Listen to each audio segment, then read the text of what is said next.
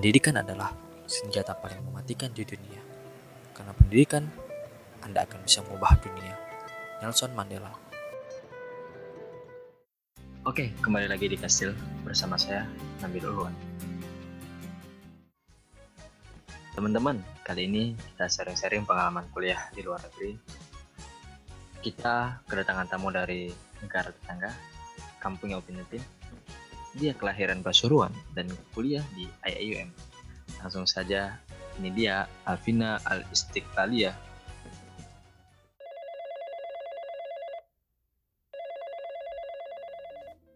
Halo Vin, apa kabar? Hai Bang, kabar baik, Alhamdulillah. Kamu sendiri gimana? Alhamdulillah baik. Vin, gimana keadaan di negara tetangga?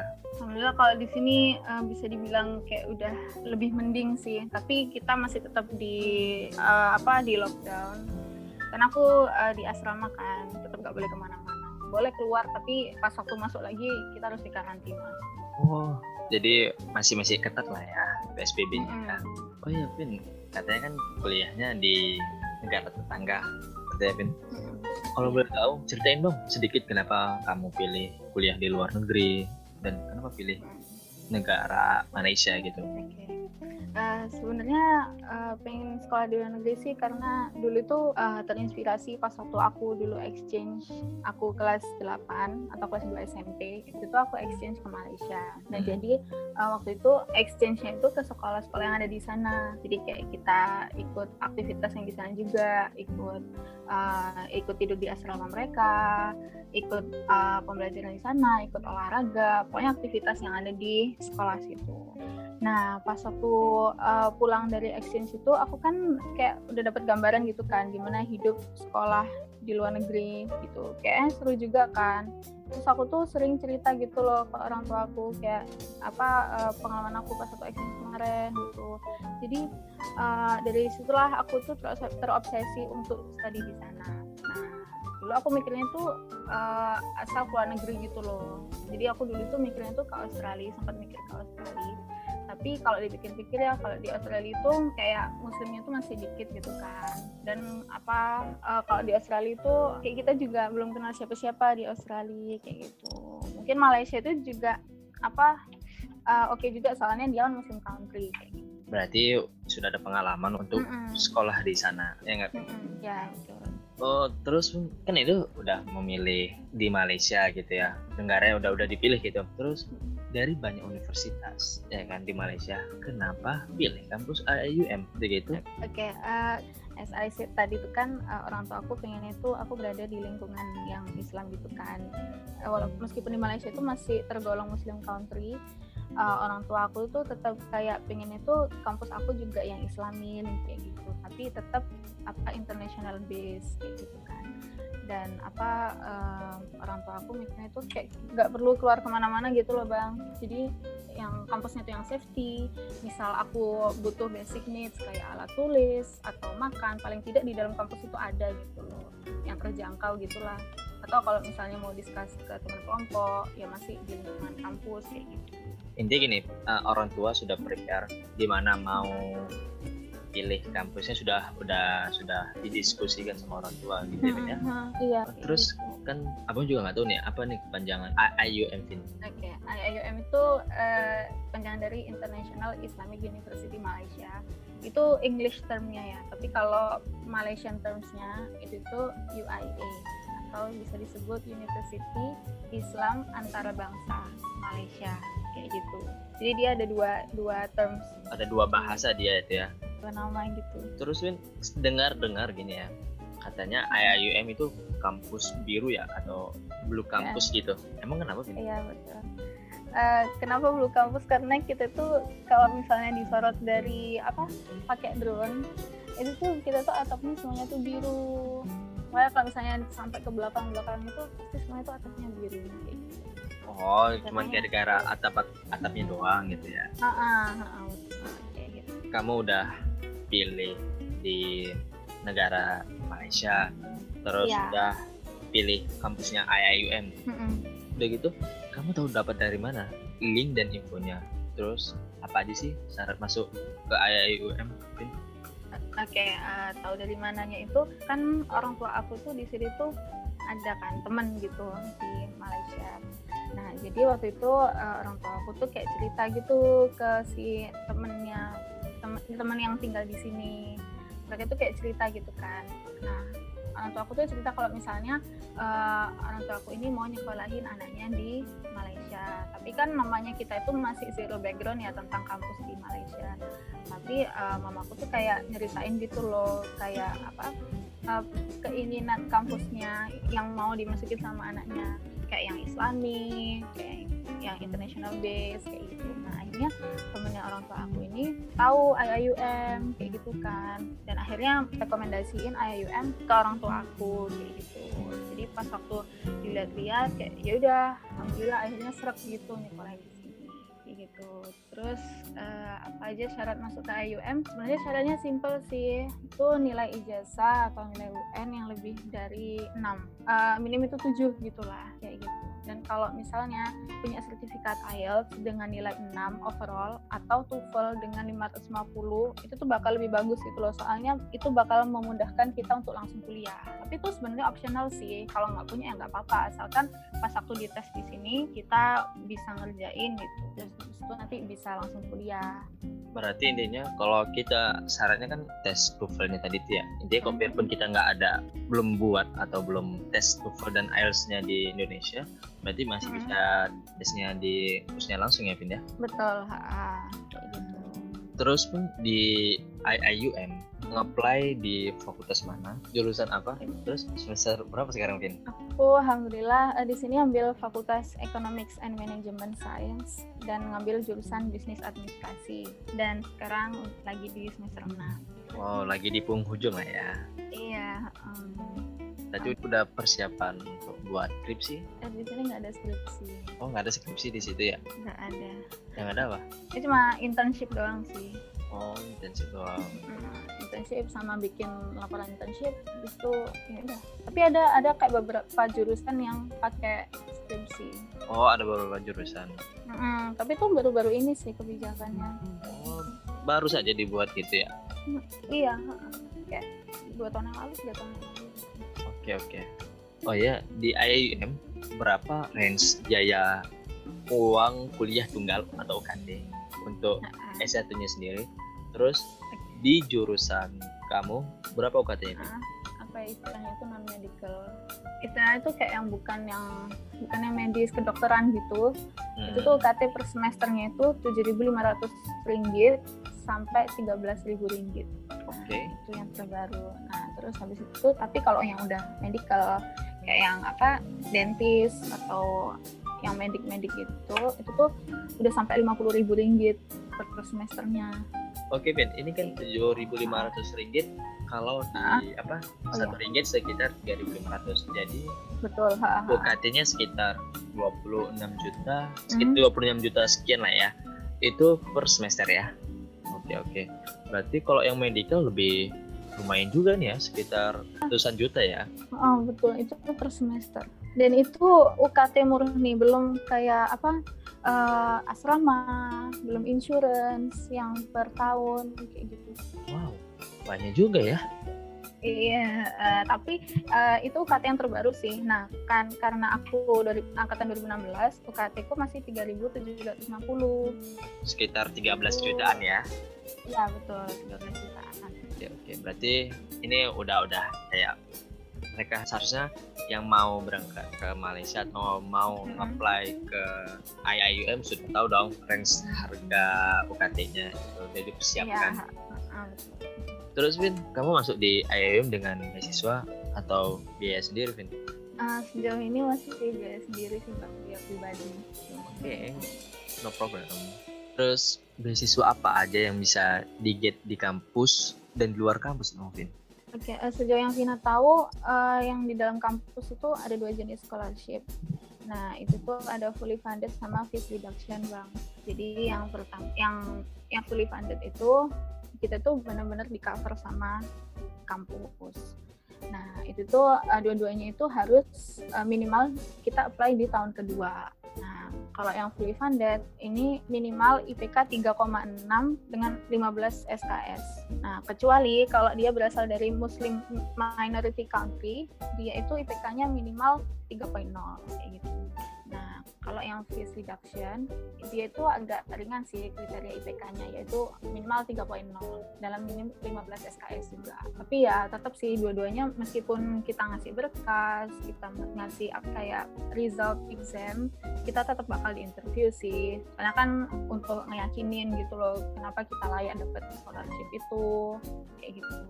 Dan nanti itu tiap semester itu tetap kayak ngasih result examnya itu biar ngasih bukti kalau misalnya nilai kita nggak turun.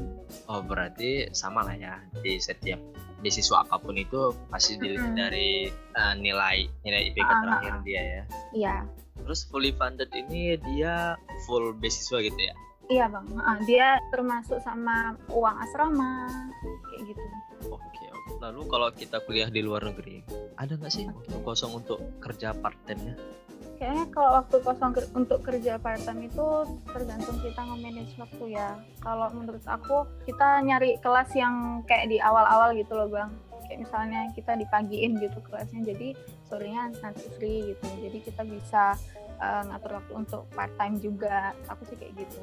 Nah sebenarnya bisa sih part time, tapi kita harus pinter-pinter nyari gitu. Soalnya kalau kerja part time itu kebanyakan yang dibutuhkan itu orang lokal tapi ada juga sih beberapa yang jaga shop di kampus itu biasa mereka oke-oke aja kok misalnya kita nge-apply untuk kerja di situ Berarti kalau mau kerja part time itu ngelihat ini ya waktu kuliah dia ya. available Terus Vin, ini dari negara lain atau apa pun itu yang abang tahu ya. Kalau kelas internasional tuh ada yang pakai bahasa daerah dia sendiri. Misalnya kayak uh, Indonesia harus pakai bahasa Indonesia nggak perlu pakai bahasa Inggris. Untuk memajukan negara dia itu jadi sebagai negara internasional. Maksudnya bahasa dia sebagai bahasa internasional. Maka di Malaysia dengan bahasa Malaysia jadi bahasa internasional. Kalau di kelasnya kalau di kelasnya itu tetap full English sih bang. Soalnya kan mungkin juga namanya internasional ya. Jadi kita pengantaran bahasa Inggris examnya juga presentasi juga pakai English kerjain tugas juga pakai bahasa Inggris. Ngumpulin tugasnya itu kalau misalnya kita sekelompok itu ada orang yang istilahnya itu orang foreignernya juga kita juga discussionnya pakai bahasa Inggris kayak gitu tapi kita tetap wajib ngambil kelas bahasa Melayu dan bahasa Arab sih itu memang requirement dari kampusnya Oke oke oke. Berarti kalau untuk bahasa Arab sendiri ini ditargetkan kita bisa bahasa Arab untuk bisa nge-apply kerja maksudnya ya setelah nge-apply di Timur Tengah gitu. enggak sih itu kalau menurut aku mungkin karena eh, kampusnya Islamik gitu ya jadi kita harus ada lah basic bahasa Arab kayak gitu kalau misalnya dengan jurusan tarbiyah kita tuh cuma ngambil sampai level 2 doang kayak gitu kalau misalnya dia udah jurusan agama atau jurusan bahasa Arab itu dia eh, harus ngambil bahasa Arab sampai level 6 Oke oke. Oke Vin, ini kan dari sekian banyak yang kita jelasin, boleh dong di-share sedikit suka duka selama kuliah di sana Vin? Aku mulai dari dukanya dulu ya. Kan kampus ini tuh kan kampus gedung kampusnya sama asramanya kan jadi satu pagar ya istilahnya. Dan apa jarak dari kamar aku ke kelas itu lumayan jauh. Kalau jalan kaki itu bisa kayak 25 menit gitu loh. Nah terus mau nggak mau aku tuh harus depend ah, harus sama shuttle bus yang ada di sini. Nah terus habis itu dan aku tuh biasanya tuh suka last minute preparation gitu jadi suka mepet-mepet kalau siap-siap. Nah terus habis itu pernah malah ketinggalan bus. Busnya udah udah jalan duluan kayak gitu. Sedangkan aku juga jaraknya tuh 25 menit gitu kan ke kelasnya. Jadi harus jalan cepet-cepet dan itu ya pasti keringetan lah kalau misalnya jalan cepet-cepet kelas lagi kayak gitu. Jadi sebenarnya busnya sendiri itu ada jadwalnya sih. Ada jadwalnya misal halte yang di depan asrama aku dia datang jam segini. Ya harusnya aku tuh juga eh, persiapannya itu sebelum busnya datang gitu. Tapi aku apa eh, persiapannya itu kayak mepet-mepet dia mau nggak mau aku harus ke kelas jalan kaki dengan waktu 25 menit kayak gitu. Kalau sukanya ya mungkin siapa sih yang nggak suka liburan ya kan? Setelah habis uas itu kan langsung libur perbulangan. Nah kita itu pas mau pulang nyamain jadwal gitu loh sama anak-anak. Siapa yang pulang tanggal segini kayak gitu pengen selesai tanggal segini kayak kita tuh nyari barengan ke airport. Bisa ya mungkin nyari barengan ke tempat yang kita tuju kayak konsulat gitu loh bang. Ya sama gitu. Nah terus habis itu kalau mau ke airport mungkin kita bisa sharing ongkos transportnya ke airportnya kayak gitu. Lumayan kan patungan. Gitu sih itu sukanya. Berarti Vin kita kan dari sini udah bisa kelihatan toh. Maksudnya kita diajarin untuk on time ya kan? Mm, iya betul ah, dan jangan terlalu bergantung lah sama bus kayak gitu. Oke Vin. Oh iya Vin. Di Malaysia udah berapa lama? Terus tinggal di kota mana sih Vin? Alhamdulillah aku di sini udah dari tahun 2016 berarti kan udah hampir 4 tahun ya aku di iya, Malaysia. betul.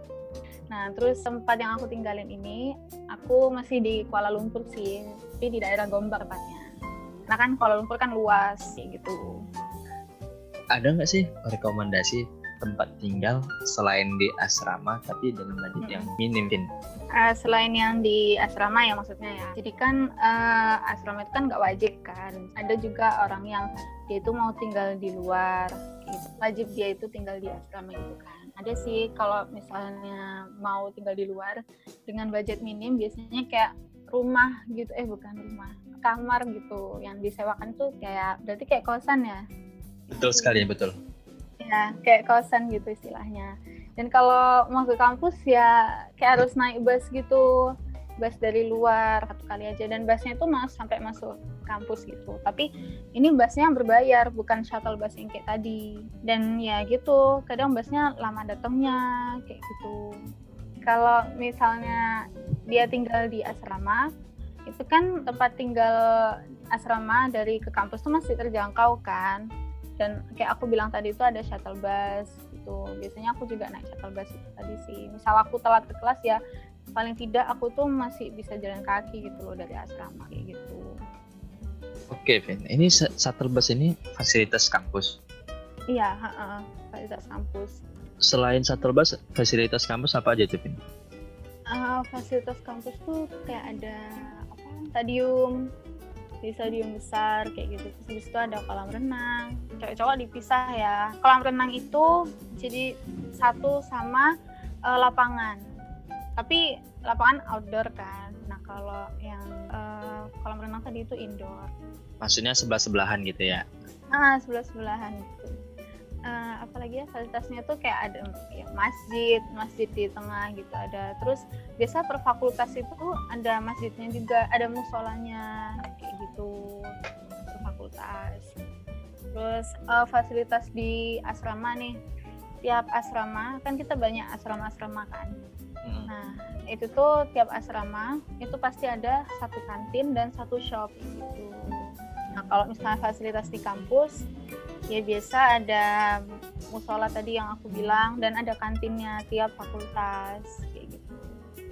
bermanfaat banget ya jadi kita nggak nggak memikirkan kita keluar kampus lagi atau kita ke Iya. kantin tempat fakultas lain gitu ya Vin ya Iya benar. Eh, tapi kadang biasa anak-anak apa pengen ke kantin fakultas lain sih, kayak pengen nyoba misal di tempat fakultas lain ada yang geprek kayak gitu. Kadang mereka kayak main ke fakultas lain kayak gitu. Oh udah biasa lah berarti ya. Nggak jauh beda sama di Indonesia gitu. Iya iya. Kayak gitu. kegiatan Tina selain kuliah makan tidur sholat dan sebagainya apa aja tuh Vin? Apakah ada organisasi yang diikuti Eh, kalau untuk semester ini nih enggak sih, tapi aku tuh ikut organisasinya tuh eh, pas aku awal aku masuk sini itu aku dulu pernah jadi sekretaris. Kalau abang tahu kita itu ada organisasi ISEFIT Islamic Economic Forum for Indonesian Development. Jadi aku tuh pernah jadi sekretaris di organisasi itu. Dan di tahun yang sama aku itu jadi pengurus asrama. Terus tahun depannya aku jadi anggota PPI atau Persatuan Pelajar Indonesia di IUM. wow banyak juga ya organisasinya apalagi udah masuk PPI udah lumayan tuh Iya, tapi masih tingkat IUM sih, belum yang kan ada PPI Malaysia, PPI dunia kayak gitu. oh itu gimana caranya tuh nih masuk PPI Kalau- Malaysia Kalau PPI Malaysia sama aja sih daftar kayak gitu. Tapi nanti kalau misalnya kalau misalnya lagi ada meeting atau apa, kita meetingnya di luar. karena Nah, beda beda kita- beda kampus gitu ya Betul, betul kayak gitu. ini kan belajar udah terus uh, organisasi udah kita kan perlu dana juga di sini nggak mungkin kita berangkat dikasih 100 terus Iya, iya. di, gimana tuh cara orang tua mentransfer ke rekening kita Oke, eh, kalau eh, aku tuh aku buka tabungan di Indo itu tuh ATM CIMB sama Maybank karena eh, CIMB sama Maybank itu yang banyak di- ditemuin di sini gitu loh bang. Kalau misalnya kita mau ke mall, mau apa naik LRT itu pasti ada CIMB sama Maybank kayak gitu kan. Nah itu tuh biasa orang tua aku transfer ke akun ini tiap akhir bulan. Nah tiap akhir bulan aku juga pergi ke ATM gitu untuk ambil. Tapi ya sekali ambil itu kena charge 10 ringgit atau 35.000 rupiah. Nah, soalnya kan antar negara ya, Indo sama Malai gitu. Jadi kayak ada charge-nya gitu. Nah, itu tuh opsi pertama. Nah, opsi kedua ada juga kita itu eh, transfer uang lewat kayak agen gitu, Bang. Jadi dia itu jasa nge-convertin uang gitu. Nah, dan ada banyak agen sih. Jadi agen satu sama agen lainnya dia itu rate-nya tuh beda-beda. Rate rupiahnya itu loh, eh rupiah, ringgitnya kayak gitu. Jadi kita harus pinter-pinter memilih agen itu juga sih. Jadi kok lewat agen kita itu butuh akun Bank Malaysia. Jadi orang tua kita transfer ke agen ini dan agen ini bakal nge-transferin ke akun kita yang di Malaysia kayak gitu. Oke, berarti kita nih harus bijak juga ya dalam nyari agennya itu. Kalau nggak bisa Ya, dibawa benar. lari. Iya, mungkin kita ini sih cari rekomendasi dari senior kayak gitu. Oke oke. Tapi yang kak yang kalau ATM untuk ATM yang di dalam kampus, CMB sama Maybank ini nggak ada. Jadi eh, yang di dalam kampus itu cuma ATM Malaysia doang kayak Bank Muamalat kayak gitu. Kita harus ini punya apa buka tabungan di sini gitu. Kalau kayak gitu berarti ada kerumitan juga ya, ada kelebihan dan kekurangannya kalau kita Iya. harus buka akun Bank Malaysia juga ya. Ha, ha, iya betul itu. Mungkin kita udah udah semuanya lah gitu ya. Terus kita perlu makan, perlu belanja bulanan. Terus biaya kehidupan di sana gimana? Termasuk mahal apa enggak sih? Oke, kalau aku dihitung-hitung mungkin yang paling basic itu mungkin makan gitu kali ya. Itu sehari paling habis 12 ringgit sih, itu paling banyak dalam sehari.